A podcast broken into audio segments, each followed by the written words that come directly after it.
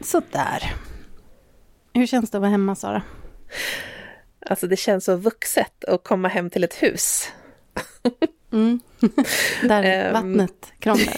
Ja, vattnet krånglar. Men, ja, men det kändes härligt att komma hem på uppfarten igår kväll. Eh, sen så var det bara det lilla avbrott att jag var tvungen att åka iväg igen klockan 08.12 eh, dagen efter, det vill säga i morse.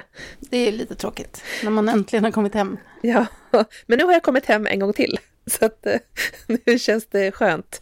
Ehm, och sen när vi kom hem så fungerade inte vattnet. Så att, eh, men nu, om någon timme är det löst. Så snart så får jag känna den här riktiga komma hem-känslan. Du vet, man kan packa upp och man kan skicka in en tvätt och man kan kanske ta en långdusch för det har vi inte gjort på fyra veckor.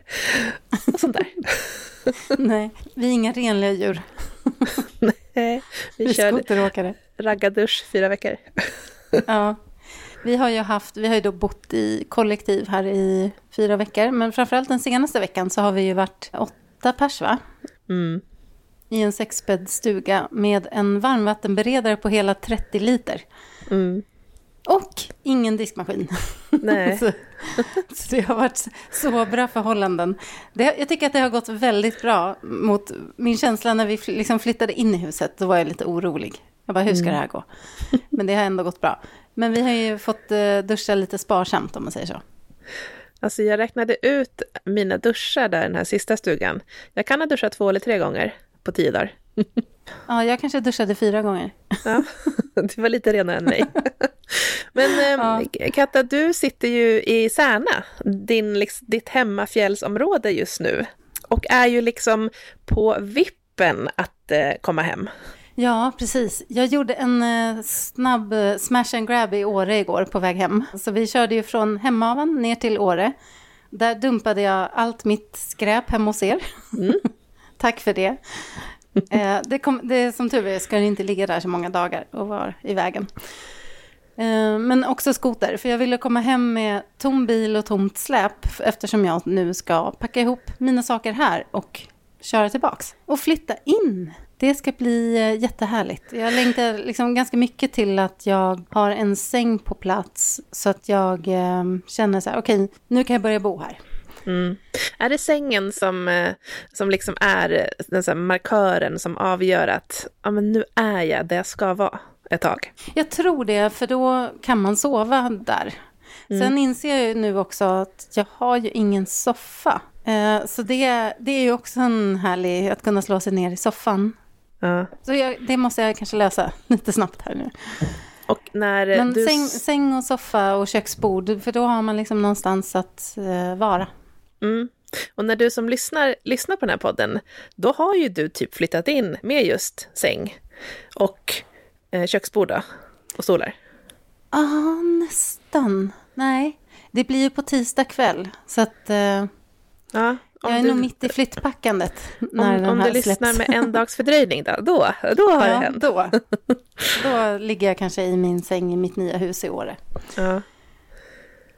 Tänk vad härligt. Och det ska bli härligt. Och ehm, jag har ju faktiskt, jag hade ju egentligen ett boende som jag tror jag nämnde i någon podd tidigare, som skulle vara från första mars till augusti. Men eh, nu har jag ju faktiskt bytt, så nu ska jag hyra det här på obestämd tid och det känns jätteskönt. Så nu kan jag liksom flytta in här, det är omöblerat så jag får ha mina saker och jag kan liksom tänka långsiktigt. Så det känns jätteskönt. Berätta vad, vad det du kallade det här, vad är det för något? Det här är ett hus i Undersåker, inte så många kilometer från dig faktiskt. Och det är ett nybyggt parhus där jag ska hyra den ena lägenheten. De har gjort som två lägenheter där. Så det är ett, eh, vad jag kallar ett vuxenboende. Jag eh, kommer liksom inte bo i en liten etta med kokvrå som är möblerad. Utan det här blir ett lite mer vuxet boende och det känns jätteskönt. För jag är ju ändå trots allt över 23. Ja, och det är så, jag tänker du som lyssnar som tänker så här, ah, så mycket Åresnack, ni behöver inte oroa er, för vi kommer bara köra undersåkersnack från och med nu. För att nu, alltså officiellt sett så har vi ju båda snart, alltså postadressen Undersåker. Det är ju faktiskt något helt annat än, än Ja. ja. storstads-Åre. Det är det faktiskt. Mm. Ja, det känns jättemysigt. Eh, Undersåker, det, ända sedan ni flyttade dit så har jag slagit sig jag har sagt det till dig flera gånger. Så här, Gud, ni har ju allt här. Mm. Det är som ett mysigt litet community. Ja, ja, men det finns tågstation och Ica Strandbergs och två bagerier, Undersåkers chark, det finns längdspår och älv och badstrand och ja men alltså hyrskidor, ljusfabrik och allt. Mm. ljusfabrik, det är liksom tecken på en civilisation, tänker jag. ja, exakt.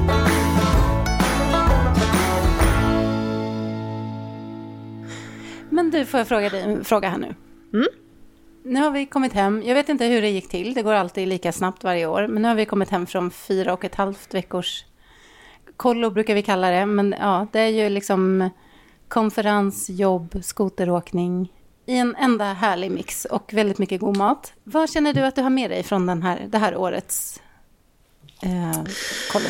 Eh, vad har jag med mig? Jo, men jag har med mig att ja, massor av saker.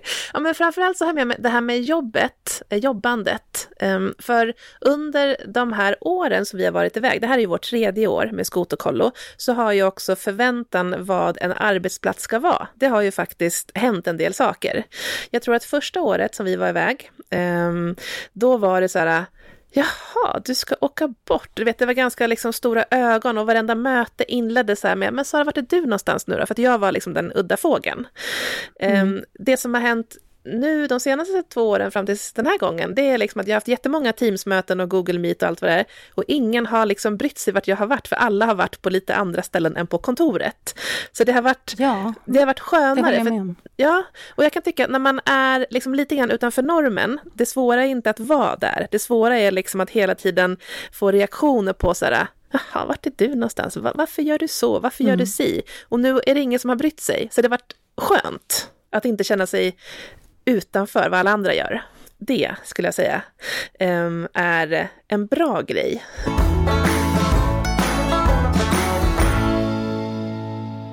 Och sen så tycker jag ju, så här, du och jag är ju väldigt lika på det sätt att jag tror att vi ständigt utvärderar och funderar och liksom vill utveckla det vi gör och hur vi gör det på. Och varenda gång vi har varit iväg på någonting tillsammans så har vi liksom tagit med oss saker så att ja, men till nästa år då ska vi ändra på det här eller skruva på de här parametrarna för att mm. hela tiden optimera grejer. Um, och nu i år så provade ju vi några saker som var väldigt nya. Vi bodde på många olika ställen och, och vi gjorde det. Det lät med... härligt i teorin. ja, ja, men så här, få prova lite olika så här, områden för skoterkörning, känna på lite olika så här, destinationskultur, för alla ställen kommer ju med sin prägel på olika sätt. Och det har varit kul på ett sätt, men också så här, ja, vill vi göra det igen? Alltså, jag, jag tycker ju om att göra nytt, bara för att man får testa och se så här, nej men det var bättre förut, eller ja men det här var mycket bättre nu. Det är ju roligt. En sak har vi slagit fast, baksidan med att prova många olika ställen, det är att man måste packa ihop allting och flytta. Ja. Och sen har vi tyvärr behövt städa på några ställen också. Ja. Ja, så det är ju är verkligen någonting vi ska ta med oss. Att, så att just ja, det är ju ganska lätt att flytta på sina kläder, men det, det här köksatteralis och skafferipåsarna, det här allt mm. runt omkring. Och att man inte bara lastar en bil, man lastar ju ett helt släp med fordon också. Det här är ju inga svåra problem, det är ju angenäma problem. Men, eh, men det tar ju tid och vi förlorar ju många dagar på det framförallt, det är det. Ja, exakt. Så att, ehm, mm, ja men bo mm. på lite färre ställen och sen så alltid boka boende med städ. Kanske till och med att det är så pass avgörande att om städ inte finns på en, en ort, då kanske man ska inte ska ha den orten. För att mm. det tar ju ganska mycket tid och framförallt mycket energi att städa. Och sen tänker jag också nu när du och jag börjar, uh, har börjat bege oss högre upp i branterna, så ska vi kanske också bo på en ort med en verkstad som ja. är lite flexibel. Det är bra. Vi lägger till den på listan. Mm. För det kan ju också bli många resdags eller många åkfria dagar om någonting inte funkar på skoten. Ja, precis. Då är man så beroende av verkstad. Ja, men eh, nog om, eh, om det. Det är härligt att vara hemma igen. Eh, men det har också varit väldigt härligt att leva i kollektiv ett tag. Jag som mm. oftast bor själv, jag tycker att det funkar förvånansvärt bra. Det är väldigt mysigt. Ja, jag tycker också det. Jag tycker nästan att det är lättare att bo typ fem personer eller fler än tre. För är man tre, då är man så beroende på att alla har en bra dag och är på bra humör, för annars märks det så väl. Om man är fem eller sju eller vad man nu är, då kan någon försvinna, det märks inte. Så mm. då kan den, den goda stämningen fortgå. vad, har, ja. vad har varit din liksom bästa dag på skoterkollot? Har du något minne sådär?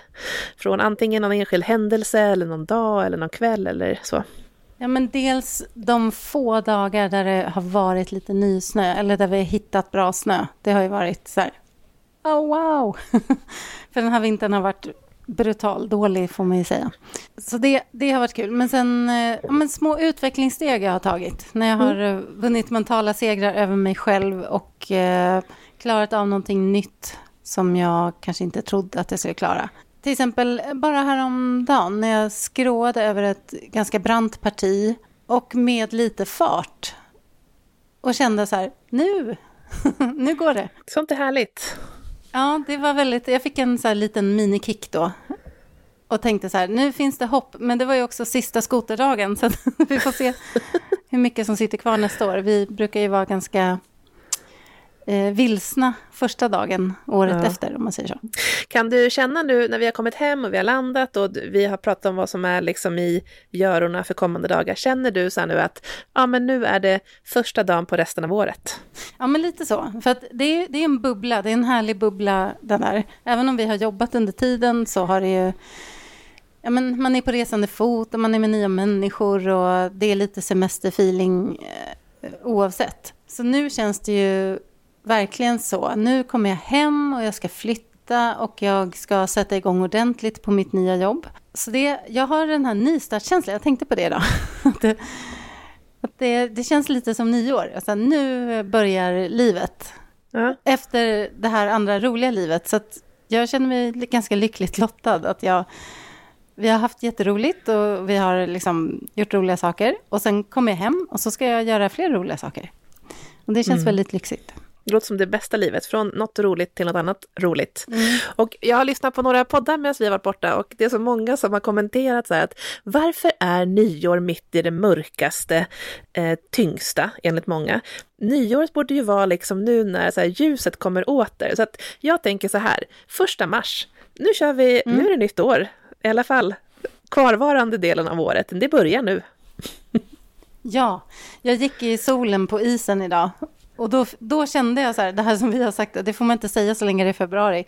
Jag bara, men nu är det lite vår-vinterkänsla. jag hörde inget av det där.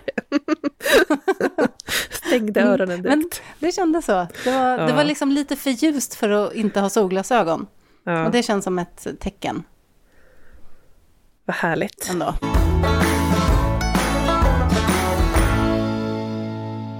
Ja, vi ska ju prata lite självledarskap idag, i dagens podd, för det är ju ändå vårt allra bästa ämne.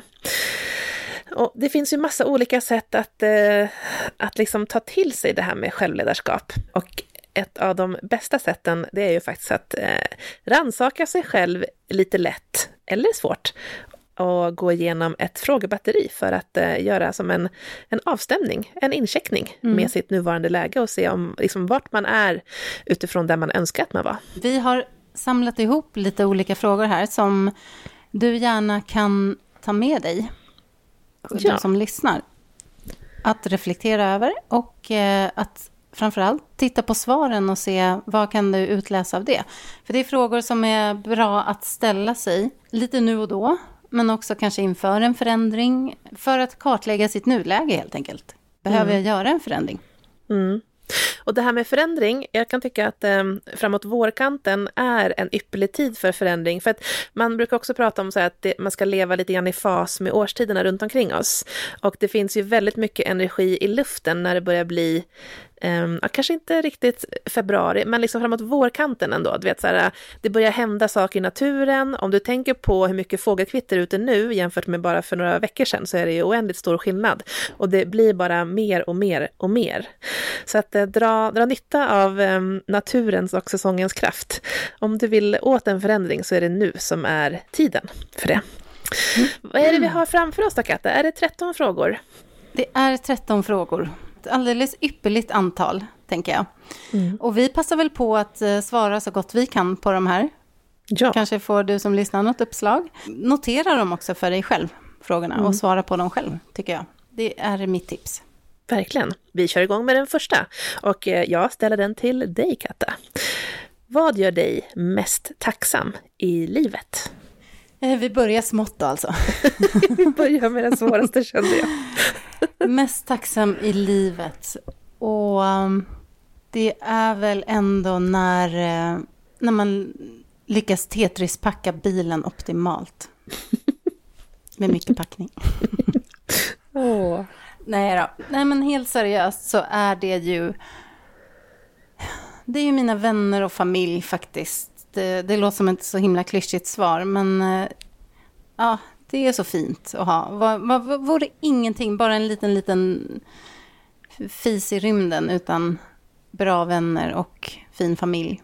Så det känner jag att gör mig mest tacksam. Men sen ska jag också ta och nämna min kära gamla natur. För att det är många av de stunder där jag medvetet står och är tacksam, det är ju, har ju varit stunder i maffig soluppgång eller en fjällvidd eller snöklädda granar eller fåglar som äter mat och sådär. Mm, mm. Hej, ja, hej, jag är en jättecool tjej. ja, men jag förstår vad du menar, det är det som är så häftigt eh, med att inte bo i stan, kan jag tycka. Eller att bo i stan och faktiskt leta sig ut till ställen där stan inte når. För att det händer något där ute. Mm. Eh, när ja, det, det här, gör faktiskt det. Mm, när artificiella inte når. Jag kan tycka just nu i livet, och det kan, alltså tacksamhetsfrågan tycker jag förändrar sig väldigt mycket beroende på ja, massor av saker. Men just nu så, ja men som sagt, vi kom ju hem till ett hus utan vatten. Men jag älskar stället som jag bor på just nu. Och jag tror att det är väldigt mycket för att jag ser naturen från alla fönster. Det är norrsken, det är fjälltopp, det är en forsande älv, också lite kalhygge. Ja, men det är så mycket av det där och det är allt det som jag älskar. Och jag minns så väl känslan när jag bodde i lägenhet, också i Åre, Eh, så det var jättebra, alltså jag bodde ju på ungefär samma ställe, bara en mil härifrån.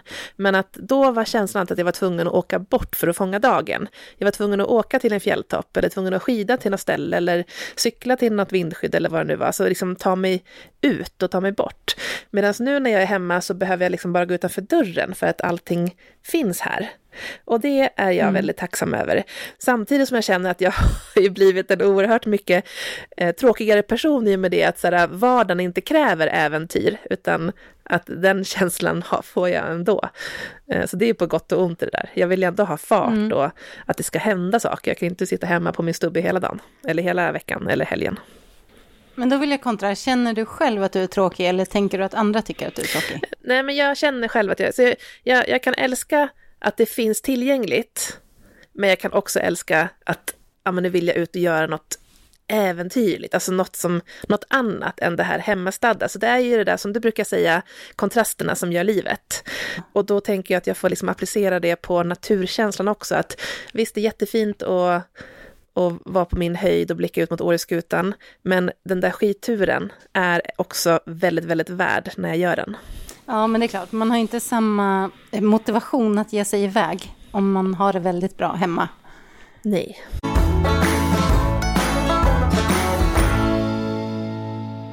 Men eh, då ställer jag nästa fråga till dig då, Sara. Jag mm. tror att jag kanske vet svaret på den här. Men ja, det eh, gör vi får se.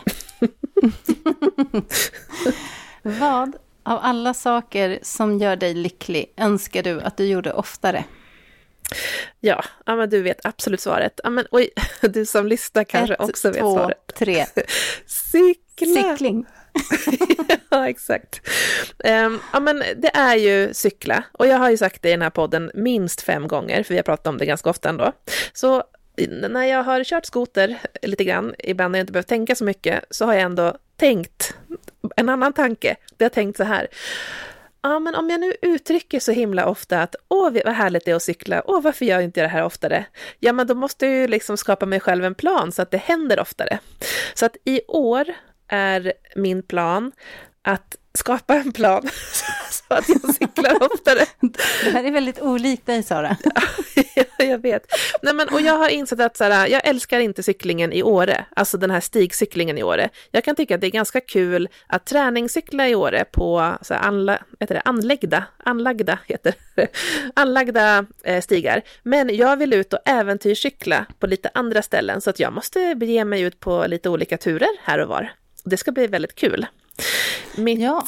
Ja, mitt favoritställe det är faktiskt Hälsingland. Jag älskar att cykla där. Och det är nog för att det är inte så mycket folk, det är väldigt fina stigar. Bra för både stigcykling och gravelcykling och det är inte så långt bort. Perfekt.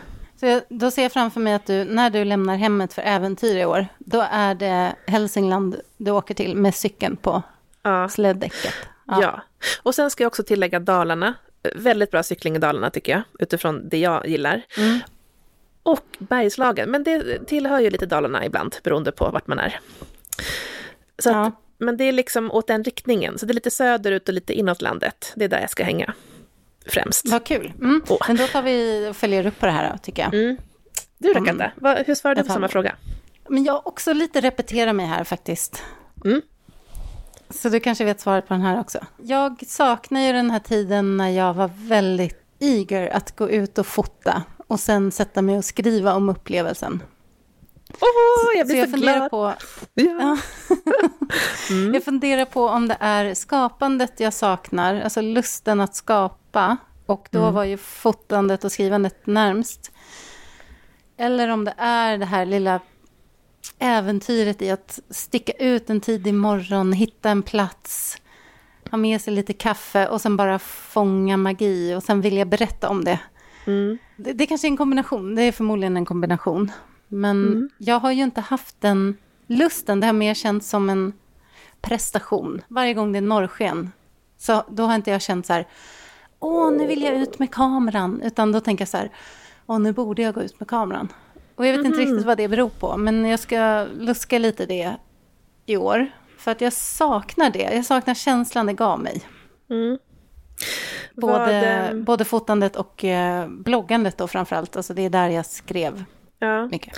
Mm. Vad intressant reflektion det där, ja, men, eh, vad eh, den prestationen, vad det kommer ifrån. Eller vad, har, vad som har uppstått. Liksom.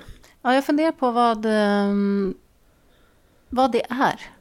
Mm. Om det är att det kändes som att det kom förväntningar eller att, det, att jag jämför mig för mycket med andra. Det kan vara en sån enkel sak. Jag vet faktiskt inte riktigt vad prestationen, alltså den känslan, vad, vad när, den bottnar i. När För det är ingen som har något krav på mig att jag ska fota och skriva. Det är Nej. bara jag. Men kan du komma ihåg när det började ändras till att bli prestation? Ja, det var nog eh, när jag började mitt uppdrag här uppe. Innan dess var jag ledig ganska mycket och nyinflyttad och helt sådär salig över min nya bygd. typ. Mm. Och sen så började jag jobba jättemycket och då kände jag det som ett dåligt samvete tror jag, att jag inte fångade alla de här vackra dagarna på bild och för mig själv för att jag jobbade. Och sen var det svårt att komma tillbaka till det på något sätt. Så typ eh, tre, fyra år sedan när du började? Mm. Fyra? Mm. Ja, det är fyra år sedan nu, ganska precis. Ja. Kan du, kände du liksom att, eh, ja, men, ditt första år i Särna, då var det liksom, eh, ja, men allting upptäcktes för första gången, du var, det, liksom, ingen visste vem du var riktigt. Du kom ju dit ja. bara. Och sen så när man börjar liksom nätverka i den bygd som man flyttar till och den inte är så stor och börjar liksom jobba, då får man ju lite grann så allas ögon på sig för man blir så här den nya personen. Och då blir det också, för jag tror det är någonting jag gillar med att vara lite under radarn. Ja. Jag tänkte på det igår kväll när jag eh, åkte från er klockan halv åtta eller vad det var. Mm. Att det, det kloka mig, det hade ju varit att stanna hos er och sova där. Men så känner jag så här, det är någonting härligt med att lite spontant vara på väg och ingen vet riktigt var jag är. Och, alltså, det är, ja, jag tror jag skulle gilla det livet ganska mycket också. Att typ vara ute på vägarna med min bil och min kamera och dator och bara göra det. Och inte behöva checka in någonstans. Liksom. Mm. Den känslan ger mig skapa lust. Men det är Så det är det när du börjar få en vardag någonstans, då blir det lite mer... Ja. Mm. då, då, alltså jag undrar så här, hur, hur kan du underlätta för den känslan då? Eh, jag vet inte, köpa en van och bara dra kanske. inte ha någon postlåda. Ja. ja. Men, och det kan jag tycka ändå, så här, fördelen med att bo i Undersåker-ish med omnejd, det är ändå att det är ju en vardag utan vardag. Så kanske liksom att människorna i miljön här omkring, de är ju ganska vardagsbefriade. Det finns ingen mm. vardag. Det är mer så här, vi går på after work. Oj då, Miriam Bryant spelade på vår after work en tisdag i mars. Ja, vad kul. Alltså, ja. eh, det är så mycket som är upp och ner i den här delen av Jämtland. Så att kanske kan den vardagen hjälpa och att det finns så många profiler som inte är någonstans inom måttet lagom eller medelmåtta. Det är några ja, världsmästare, faktiskt. det är entreprenörer, ja men det är liksom allting är lite galet hela tiden. Det kan nog underlätta, det tror jag. Mm. Och sen kanske jag också skulle ha en eh, och jag vet inte hur du känner, om du tycker att det är kul fortfarande, men jag, vi brukade ju ta sådana här små fotoutflykter. Ja. Vi kanske ska göra det lite mer. Ja, jag tänkte på det när du nämnde det för några minuter sedan, så att, ja, men bara, för att vi var ju upp till um, eh, den här jättekola ravinen i november i ja, Bidalsfjällen.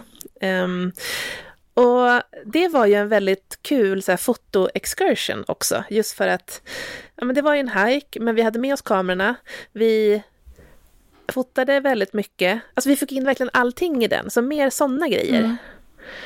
Um, ja, och det har vi inte gjort på länge på det sättet. Men vi gjorde ju det väldigt mycket förut och det var väldigt ja. roligt. Ja. Och sen sitta i någon soffa och titta på bilderna och gå igenom. Och Exakt. Det är så mysigt. Ja, men det signar jag upp för. Mer sånt. Ja, vad härligt. Kul! Och jag tänkte även på vårt eh, Lapplands eller Tornedalsäventyr som vi gjorde förra sommaren.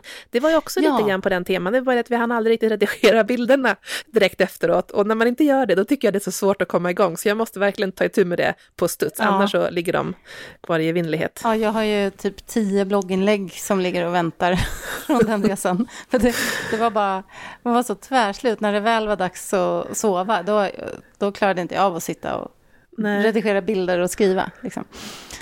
Så att, eh, ja, nej, för det blir lite, man ska ju helst göra det direkt efter. Mm. Det är då känslan är, det brukar du säga, då är känslan mm. kvar, man minns allting och så. Precis. Så, ja, nej, men då bestämmer vi det. Vi ja, kör några kul. lustfyllda fotoexpeditioner. Mm. Mm. Skoj.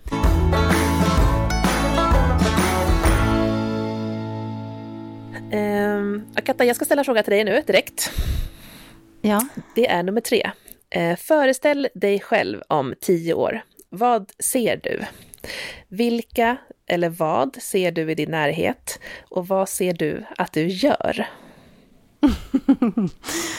oh, det här är min svåraste fråga tror jag. I varenda anställningsintervju så har jag alltid sagt att jag bara... Jag hoppas att jag är glad och gör någonting som jag tycker är roligt. Ungefär mm. så. Och det är väl egentligen svaret på det här också, men jag vet ju att det, det, är bra att visualisera och måla upp en bild, och det har jag gjort förut när man skriver så här brev till sig själv från framtiden och så. Jag ser att jag, eh, jag bor någonstans naturskönt, och jag har en härlig partner som jag har väldigt roligt med, och vi gör eh, olika äventyr. Alltså äventyr behöver inte betyda resa runt hela jorden, utan det är kanske att vi tältar en tisdag mm. och tar med raggmunkar till middag. Liksom. Något sånt. Och sen ser jag också att jag har en bra och nära relation till de här liksom, barnen som jag har i mitt liv. Och jag, de är liksom vuxna och jag är med får följa deras väg in i vuxenvärlden på nära håll. Det ser jag fram emot. Och kanske resa med dem. Vi kanske har, eh, gör någon så här årlig resa med mina syskonbarn och min bonus lilla syster och, och, och, min lillebror. Alltså att vi har en bra relation där. Och eh, vad jag gör, jag, eh, jag tror jag hjälper andra. På något sätt så har jag liksom fortsatt spåret, om det är coaching eller någonting annat. Eller det kan, det kan vara att leda ett företag i förändring. Eller, men jag jobbar med förändring på något sätt tror jag. Om det är det som menas vad, vad jag gör. Jag är också aktiv och jag yogar och är ute mycket och rör på mig. åker så mycket har jag, roligt, jag hoppas att jag fortfarande har roligt och kan ha en, så här, en galen kväll med mina kompisar och att jag är nyfiken och hungrig på livet. Det hoppas jag. Att jag lär mig nya saker. Mm. Ja, men det summerar väl ungefär vad jag vill. Bra liv. Jag kanske har en egen gård också. Mm. Eller hus. Eller, eller så bo i en lägenhet så jag slipper hålla på med vattenfrågor. det, beror på. Jag kan ha gått cirkeln runt vid det laget. Du då, mm. Sara? Om tio år, 2033. Alltså när du sa det så där 2033, ja, finns världen kvar? Eh, nej men eh, jag eh, fortsätter bygga ett liv på kontraster, så att ena dagen kommer jag stå i ett styrelserum, man kanske ses fysiskt då, eller så syns man digitalt, då har jag väl någon kavaj på mig och sen så löpa tights på underkroppen. ja men jag vill, jag vill ju jobba med att sälja eh, min hjärna eh, mer än min tid. Så att eh, jag kommer ha sådana mer strategiska uppdrag, eh, tänker jag, eh, arbetslivsmässigt. Förmodligen, eller ja, svårt att säga inom vilket område, men just nu så är det en hel del destinationsmarknadsföringstänk kopplat till ja, men så attraktionskraft. Och just attraktionskraft kommer ju vara det som jag jobbar med överlag, tror jag. Oavsett om det gäller plats eller tjänst eller produkt. Men jag, jag vill Tar ju... Tar du dig in... personer då också? Vad sa du? Tar du dig an personer då också?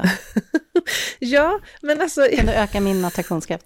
ja, jag, gör mitt bästa hela tiden. Ja.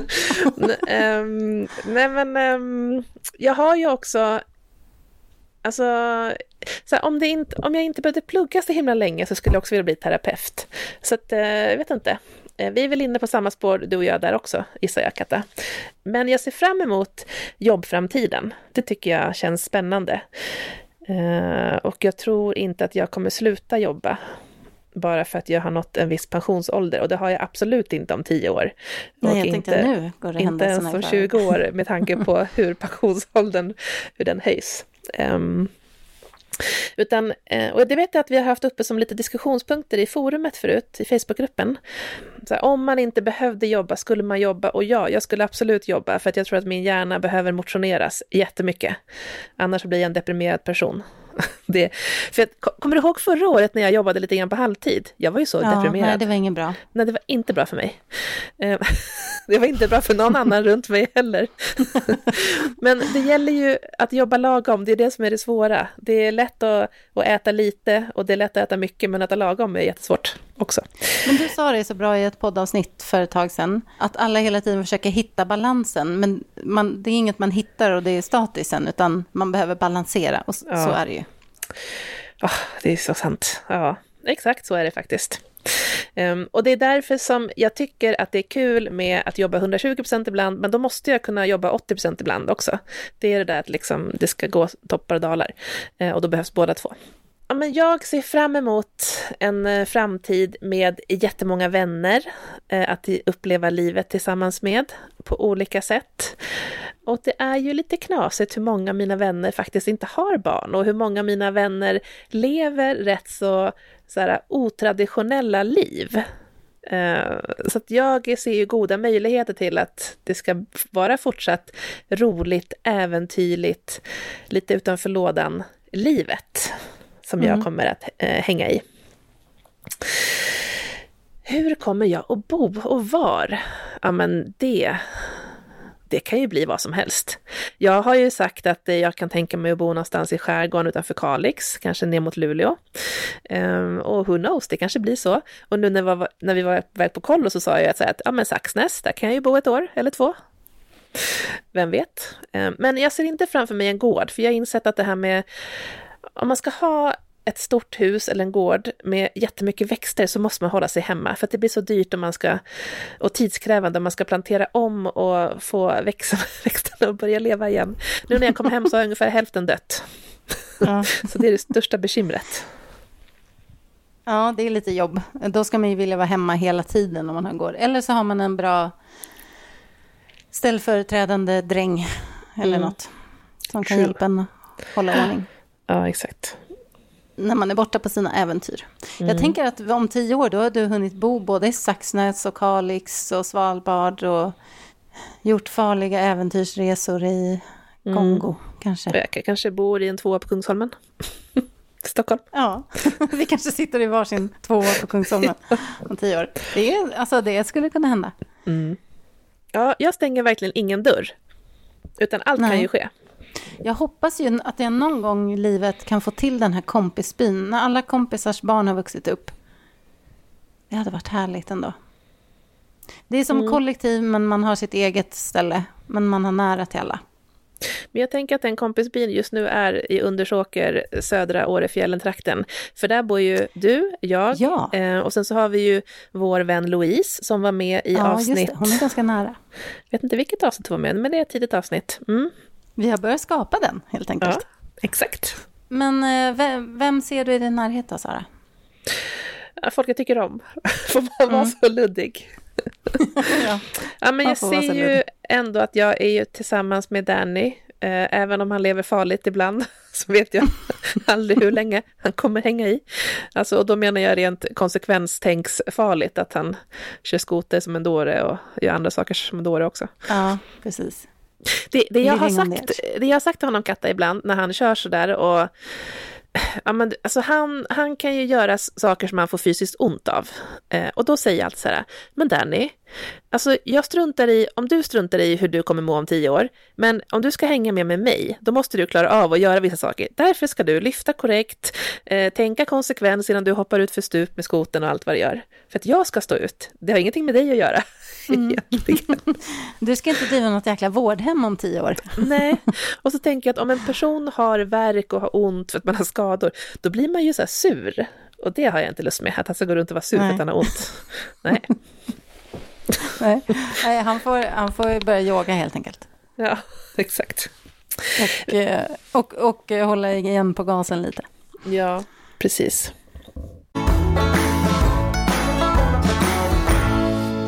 Sara, den här frågan tycker jag är spännande. Du som är så ehm, eh, vad ska man säga, effektivitetsorienterad och nog har full koll på det här.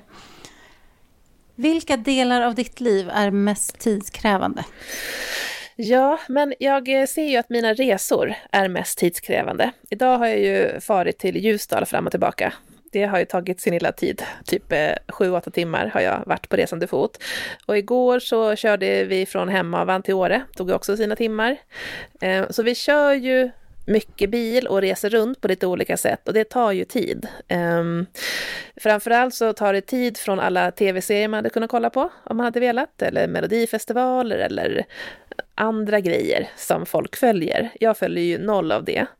Jag eh, tänkte det... precis, jag bara, varför ger du de här exemplen? För jag tänker att du hade suttit hemma och jobbat istället. ja, nej men jag skulle säga att det är nog liksom resandet och under de tio åren som jag bott eh, här uppe i Jämtland så har jag ju tillbringat väldigt mycket tid med att resa till och från Stockholm. För under mina första år så, men då pendlade jag ju, så jag körde ju ner typ, kanske inte en gång i veckan, men i alla fall varannan vecka. Det är ganska många timmar om man räknar ihop det. Men för mig så är den här tiden ändå nyttig för att jag hinner tänka på saker som jag inte tänker på annars. Det är liksom min ställtid, min egen mm. tid och prata lite telefon med personer som jag inte haft tid att prata med till exempel och lyssna på poddar, ta in liksom omvärlden på olika sätt. Så att det är ändå eh, godkänd tid utifrån så effektivitet, men inte fullt ut. Det är mycket tid som mm förspills också. Ja, för jag tänker att den här frågan behöver egentligen, eller den har som en underton av tidskrävande är också energikrävande. För jag tänker att de här, mhm. den här restiden är ju också energigivande ja. för att vi åker på härliga saker. Ja, precis. Och träffar Aha, härliga människor. Eller sådär. Att det ger, men jag tänker att det kanske är det, man kanske behöver lägga till den Mm. Vad är mest tidskrävande som du egentligen inte vill lägga tid på? Aha. Det kanske är så den ska tolkas. Ja, men då är det städa då. Plocka ihop saker. Eh, jag, men jag lägger inte så mycket energi på det. Ja, bra fråga. Vad är mest energikrävande? Ja, men det är ju... Eh, ja, men jag kan... Ja, energi. Vad svårt. Vad, vad hade du svarat på den, Katta? Alltså, eh, om det är bara rent tidskrävande, då är det ju resandet för mig också. Eh, kanske kombinerat med att jag har den här naturen, att jag vill röra på mig. Så att den här flytten till exempel, det är för att jag vill till en ny plats och då tar det tid. Annars mm. hade jag ju suttit hemma i mitt hem nu och bara haft det lugnt och skönt. Så där, det håller jag med om, att den, det att man vill se och uppleva mycket, det, det kräver ju sin tid i omställning och resor. Och, mm. Men energikrävande, för mig är det nog, alltså det är ju plikter. Mm. Kanske, alltså om det handlar om företaget till exempel, all admin som kommer med det. För det äter energi av mig. Jag tycker att det är jobbigt och det är inte roligt och jag har oftast lite ångest över det. Och jag är sen och liksom... Så det äter energi. Men det kan ju också vara, om man säger en period när det är många man känner som fyller år. Så jag, jag har ju alltid lite presentångest. Mm. så, och jag vill fira dem bra och sen så... Ja, då lägger jag mycket energi på det faktiskt. Men, Just det. men energikrävande, det är nog prestation. Mm. Kanske. Tanken på prestation. Mm. Och där, där kommer ju plikt och förväntningar lite in och skapar det. Ja, ja men mm. jag kan hålla med om att, så att ibland, alltså eh, det är ju, alltså jobbet är ju väldigt roligt, men det innefattar ju också prestation. Och det är väl främst det som jag tycker kan vara tråkigt när det är söndag kväll och man bara står inför en ny arbetsvecka. Ja, för det är så mycket prestation i veckan. Mm. Eh, men då försöker jag tänka, ja, hur skulle en kille tänkt då? Sen så kan jag lägga bort lite prestation. Men jag måste ju komma ihåg den där grejen väldigt ofta för att det ska funka. Ehm, och sen så kan jag tycka det som, eh, för jag tänker utifrån influencerrollen, det hade ju varit ganska enkelt att bara liksom älska att åka på föreläsningsturné och älska att stå på scen och du vet, fronta sig själv. Men jag tycker inte att det är så kul. Så att jag vill göra på ett annat sätt. Uh, och det kan ju vara så här lite energikrävande att komma på andra sätt att liksom fronta sig själv utan att fronta sig själv. Mm. Att så här, ja, men hur, hur ska jag liksom ta ledartröjan då? Om det inte är på det här klassiska sättet, eh, åka på eh, en, eh, en turné på olika sätt som man kan göra. Det kan ju vara, ja. ja. man kan ju bli någon som står på scen genom att vara träningsinstruktör eller föreläsare eller utbildare eller vad det nu kan vara.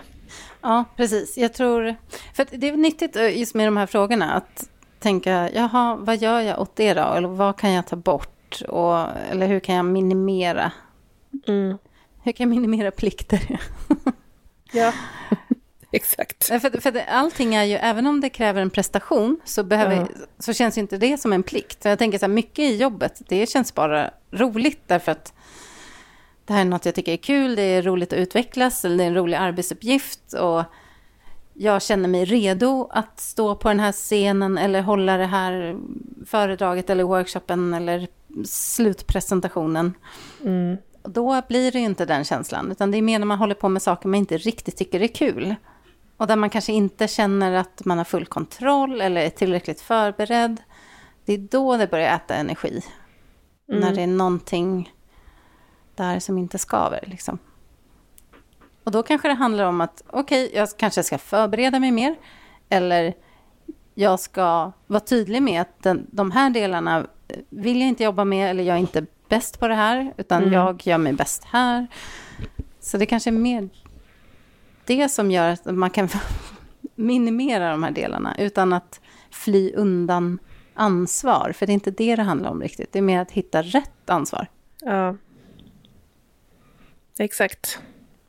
Det var, jag har ju skrivit en, blogg, eh, en bloggpost apropå att jag inte vill sälja min projektledartid. Det vill säga, jag, jag, vill inte sälja min tid där jag jonglerar många bollar i luften, utan jag vill sälja min så här, hjärnkapacitetsförmåga. Att vill säga, tänka smarta saker, inte mm hålla koll på många saker samtidigt. Sen så var det en kommentar från en tjej som undrade så här, ja, men hur gör man då i det praktiska? Ehm, eller i det här dagliga. Och det handlar ju om de här små sakerna främst, att så här, inte vara den här duktiga personen som tar anteckningar i ett möte. För då räknar ju alla andra med att, ja men just det, Sara är den som har koll på det här, utan att faktiskt vara eh, tråkig, jobbig, obekväm och säga så här, Lisa eller Pelle, ni får skriva anteckningar det gör inte jag. Att liksom verkligen göra det. Och att även mm. liksom anamma det i vardagen. Att inte vara den som tar det här äh, ofta sociala ansvaret som vi tjejer verkligen är duktiga på att ta. Att släppa mm. det. Och sen så får det vara lite kaos, men det kommer lösa sig för att någon annan kommer inse så här att oj då, det är ingen som har tänkt på det här. Det måste jag göra. Mm. Och till slut så blir det kanske en kille som gör det. Om man får vara så krass och typisk. Eller generell ska jag säga.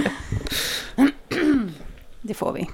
Ja, men det är verkligen det. Och, och sen om man pratar om, om jobb, då handlar det om att antingen om du är konsult, att sälja in dig själv på rätt sätt. Inte lova saker som du inte vill hålla. Ja. Eller om du söker jobb, var tydlig med vad du är bra på, vad du vill göra och sök jobb som matchar det. Eller mm. om du spontanansöker, förklara vad du vill göra. Precis. Ja du Sara, vi hade mycket att säga om det här. Jag älskar att prata om det här ämnet. ja. ja, det var ju många bra frågor. Så att, eh, vi gör väl så att vi avrundar den här första delen av frågebatteriet nu och sen så tar vi det vidare i ett annat avsnitt. Ja, så gör vi. Så därför tackar vi Sven Karlsson och Epidemic Sound. Och dig som lyssnar. Gå gärna in i gruppen och berätta vad du tänker på när du hör de här frågorna eller om det är någon som träffar dig särskilt bra jag är jättenyfiken på att höra vad du tycker. Gör så. Och så fortsätter vi det här um, frågebatteriet i ett kommande avsnitt helt enkelt. Ha det så bra. Hej då. Hej.